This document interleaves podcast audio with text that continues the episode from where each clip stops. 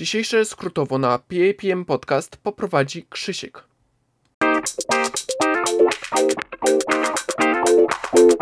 Życie pisze różne scenariusze. Miało go nie być, ale uznałem, że mogę spróbować znowu.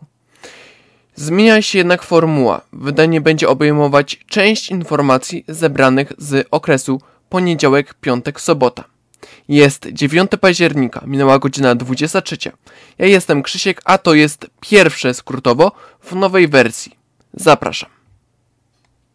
Szef MSZ Zbigniew Rau podpisał notę dyplomatyczną dotyczącą reparacji, które Niemcy powinny wypłacić Polsce za szkody poniesione przez Rzeczpospolitę podczas II wojny światowej.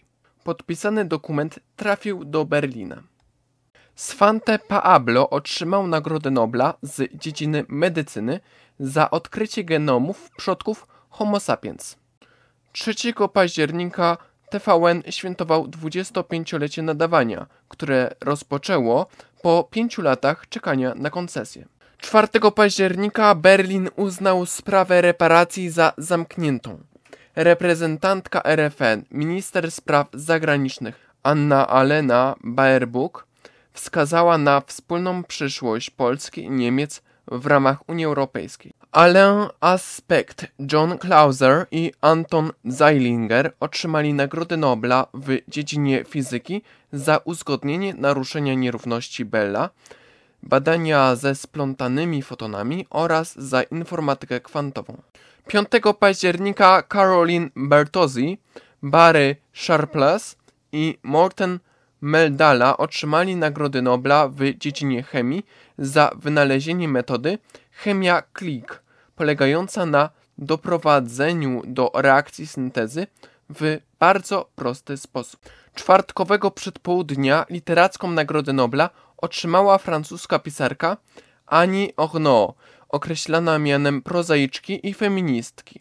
Nagroda ma na celu wyróżnić całokształt jej twórczości, określany jako przyglądanie się życiu naznaczonemu licznymi problemami związanymi z płcią, językiem i klasą społeczną. Były marszałek Sejmu Marek Kuchciński zastąpił Michała Dworczyka na stanowisku szefa kancelarii prezesa Rady Ministrów. Pojawiły się oznaki buntu w rosyjskiej armii.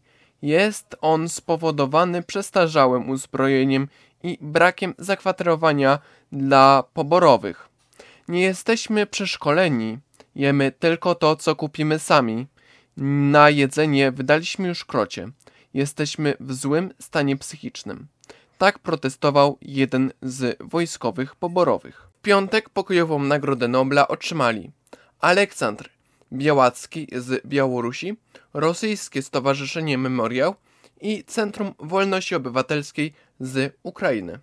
Joe Biden poinformował na Twitterze, że zalegalizuje marihuanę i zwolni z więzień osoby osadzone z powodu posiadania jej. Ukraińcy z okazji 70. rocznicy urodzin prezydenta Rosji wysadzili most łączący Krym z Federacją Rosyjską. To są już wszystkie informacje, które przygotowałem na dzisiaj. Następnym razem będzie ich trochę mniej. Ja jestem Krzysiek, a to było dzisiejsze skrótowo. Dobrej nocy życzę.